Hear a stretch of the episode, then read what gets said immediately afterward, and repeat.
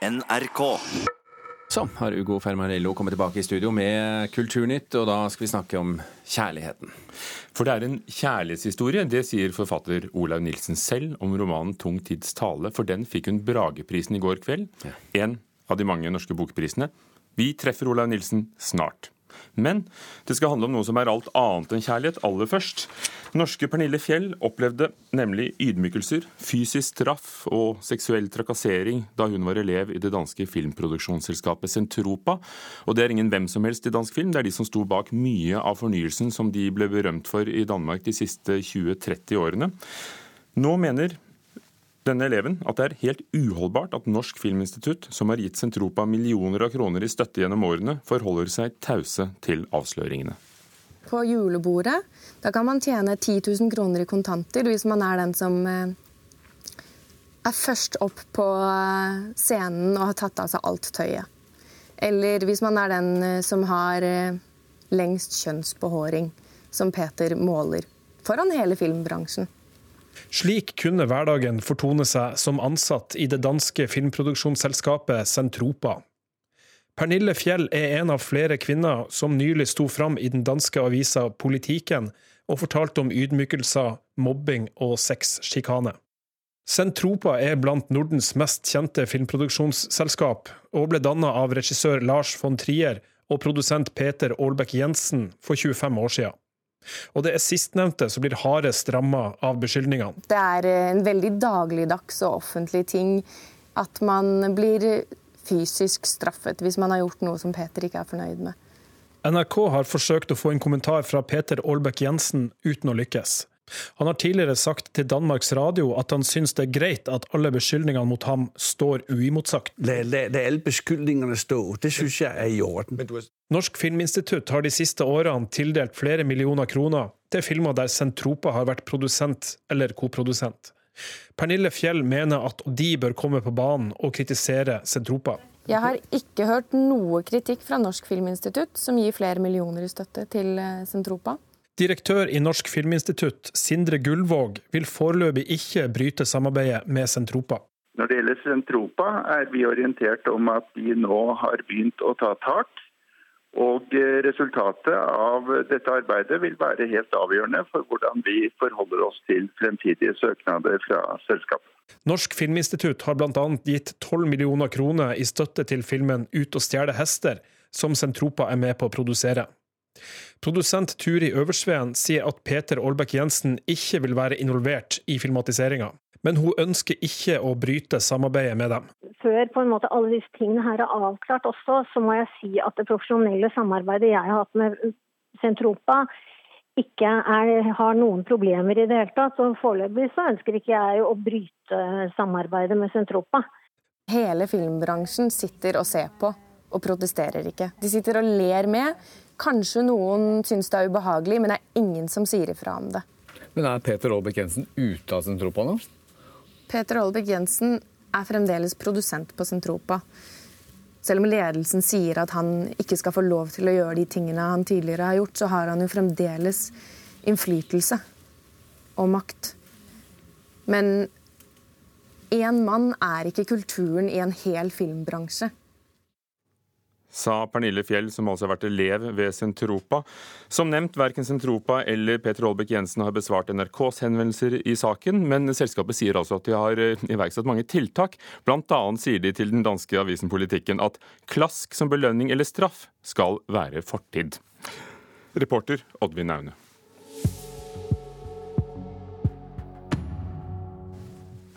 Den norske bokprisen, Brageprisen, ble delt ut i går kveld, og den er 25 år i år og er den største litterære prisen vi har her til lands.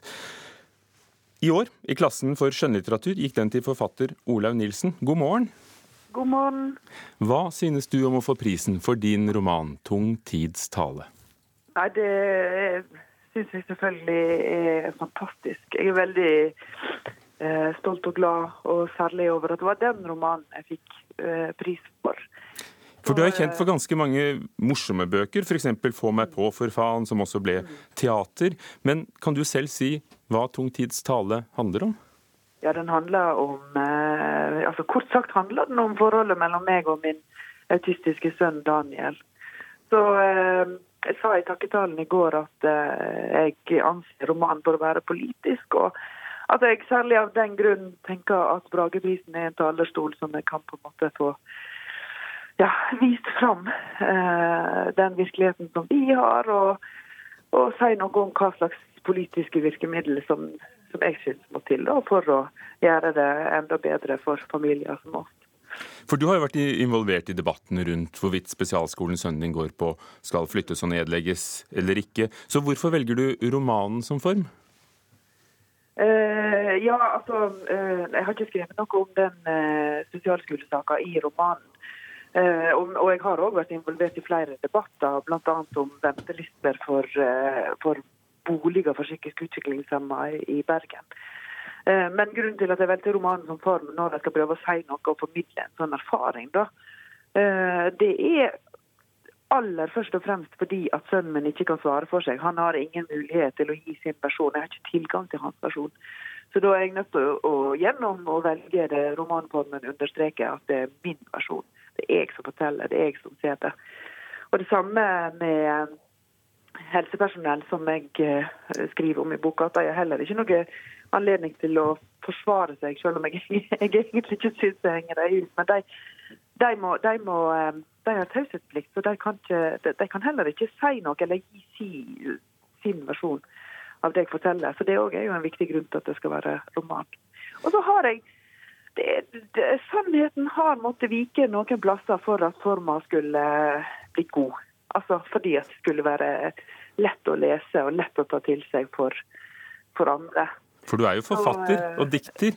Olaug Nilsen, eh, Aftenposten Tammeli skriver om denne boken, at, og hun er blant en av mange som, som har skrevet veldig godt om den. Olaug Nilsen skildrer en smerte som er så skamfull og så fysisk at jeg blir skjelven. Er det ting som fortsatt er skamfulle? Nei, nå når, eh, altså For min del for min del personlig har jo det å skrive romanen vært veldig eh, befriende og forløsende for eh, jeg har veldig lite skamfølelse sjøl. Men, eh, men, men, det hun sikter til, er at jeg beskriver eh, utagering og eh, altså, Sagt i normalspråk vold, da. Og, og mors frykt for å slå tilbake mot barnets slag og spark og biting. Og det er jo selvfølgelig tabu, for det er ikke uh, ja, det er jo ikke noe god følelse å ha for noen. Og uh, verken å, å, føle den avstanden til, egen, til sitt eget barn, og, og, å være redd for å skade sitt eget barn. Um, hva, hva men, vil du med boken, siden du Unnskyld at jeg avbryter men siden du ja, ja. sier det er en politisk bok, men hva, hva vil du med den? Ja, først og fremst vil jeg at uh, politikere og andre, altså egentlig alle, skal ja, kjenne til alvorlighetsgraden i en sånn om omsorgsoppgave. Sånn at det ikke skal gå an å, å bagatellisere når en uh, skriver sine avslagsbrev. Det er jo mange uh, i min situasjon og lignende som opplever å ikke få hjelp i tide og aldri få nok hjelp. Og uh, da, da, klarer en jo ikke Da klarer en jo ikke å, å gi, gi, barna sine det beste, og heller ikke ta vare på seg sjøl. Så det er først og fremst det, altså. Å også, vise det. Og så syntes jo altså Brageprisjuryen at det var den beste skjønnlitterære boken ja, i fjor. Fantastisk. Jeg er veldig glad for det, altså. Takk. Takk skal du ha, Ola Nilsen, forfatter av Tung tids tale. Og så fikk Cecilie Løveid Brageprisen i klassen lyrikk for samlingen Vandreutstillinger. Maria Parr for Keeperen og havet som beste barne- og ungdomsbok.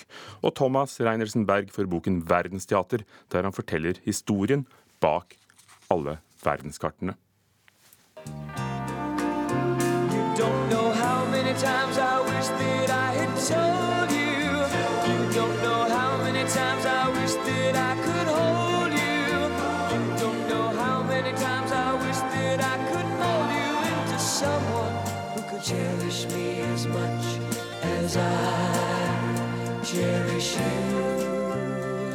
David Cassidy 67 år gammel døde han i går. Kulturreporter Petter Sommer, hvem var han? Han var, som vi kanskje kan høre av musikken, et tenåringsidol og en skikkelig fløtepus som figurerte på plakater på veldig mange jenterom på 70-tallet. Så dette er jo en uh, trist melding til alle jenter som uh, da er født på kanskje ja, seint 50- og, på 60-tallet, som likte denne David Cassidy. Mørk, lang hockeysveis hadde han, og spilte Keith Partridge i TV-serien The Partridge Family. Og dette var jo en voldsomt populær TV-serie har jeg nå lest meg opp på. Det handlet om en familie med fem barn som jaktet en karriere innen musikken. Og dette gjorde jo David Cassidy, som nå er død, og som spilte den eldste av barna til en superstjerne over natta. Det var rett og slett farlig å være han, fordi han ikke fikk gå i fred på gata uten å bli overfalt da, av skrikende jenter. Hva skjedde etter, etter TV-serien? Da gikk David Cassidy solo som artist, og hadde ganske bra suksess med det. Jeg siterer VG. Sier, de sier eh, han hadde låter som eh, 'Cherish', som eh, eh, 'Doesn't Somebody Want To Be Wanted', 'Rock Me Baby' og 'Could It Be Forever'. Jeg er litt dårlig i engelsk og tidlig på morgenen. Og da smeltet han eh, ungpikehjerter verden over og gjorde stor internasjonal suksess. Og så, nå er altså David Cassidy og mange ungpikeidealer, og noen gutter sikkert, eh, som hadde han på plakaten på rommene sine, død i Florida i går. Takk, Petter Sommer. Det skal handle om film. Fredag er det premiere på en ny norsk eh, film, 'Hjemsøkt', med Synnøve Makodi Lund i hovedrollen. Den har noen åpenbare kvaliteter, men, men det mangler noe for å bli en fulltreffer i sjangeren uhygge. Birger Vestmo anmelder.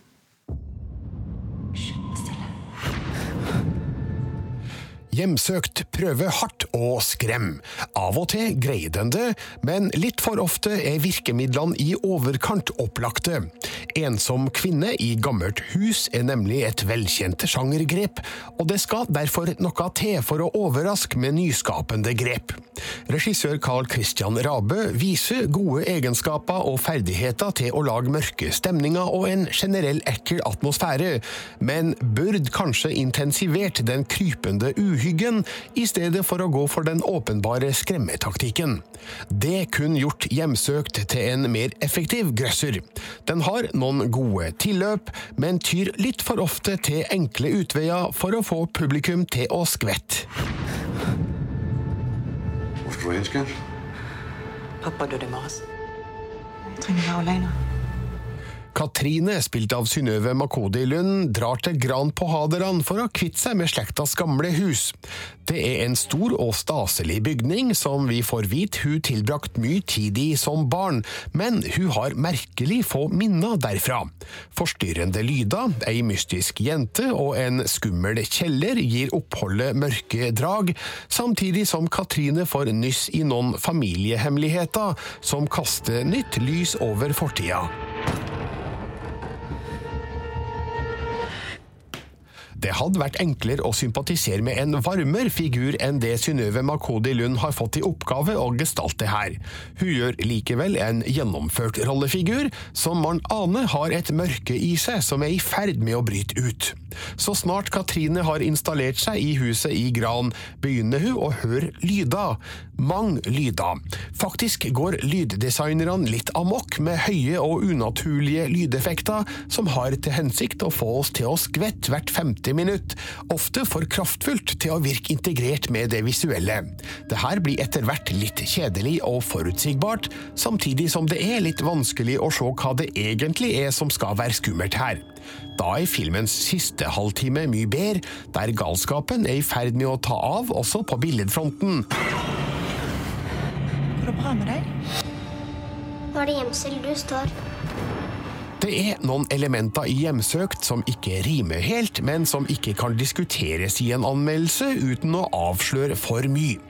Det er synd fordi filmen ellers har flere åpenbare kvaliteter. Det visuelle formspråket i Hjemsøkt er jevnt over godt, spesielt med tanke på dyktige Philip Øgårds flotte foto av både vinterlig landskap og mørke stuekroker. Hjemsøkt har noen middels gode grøss å by på, men skulle gjerne gravd seg enda dypere ned i galskapen. Tre, to Birger Vestmo om en av fredagens premierefilmer, 'Hjemsøkt'.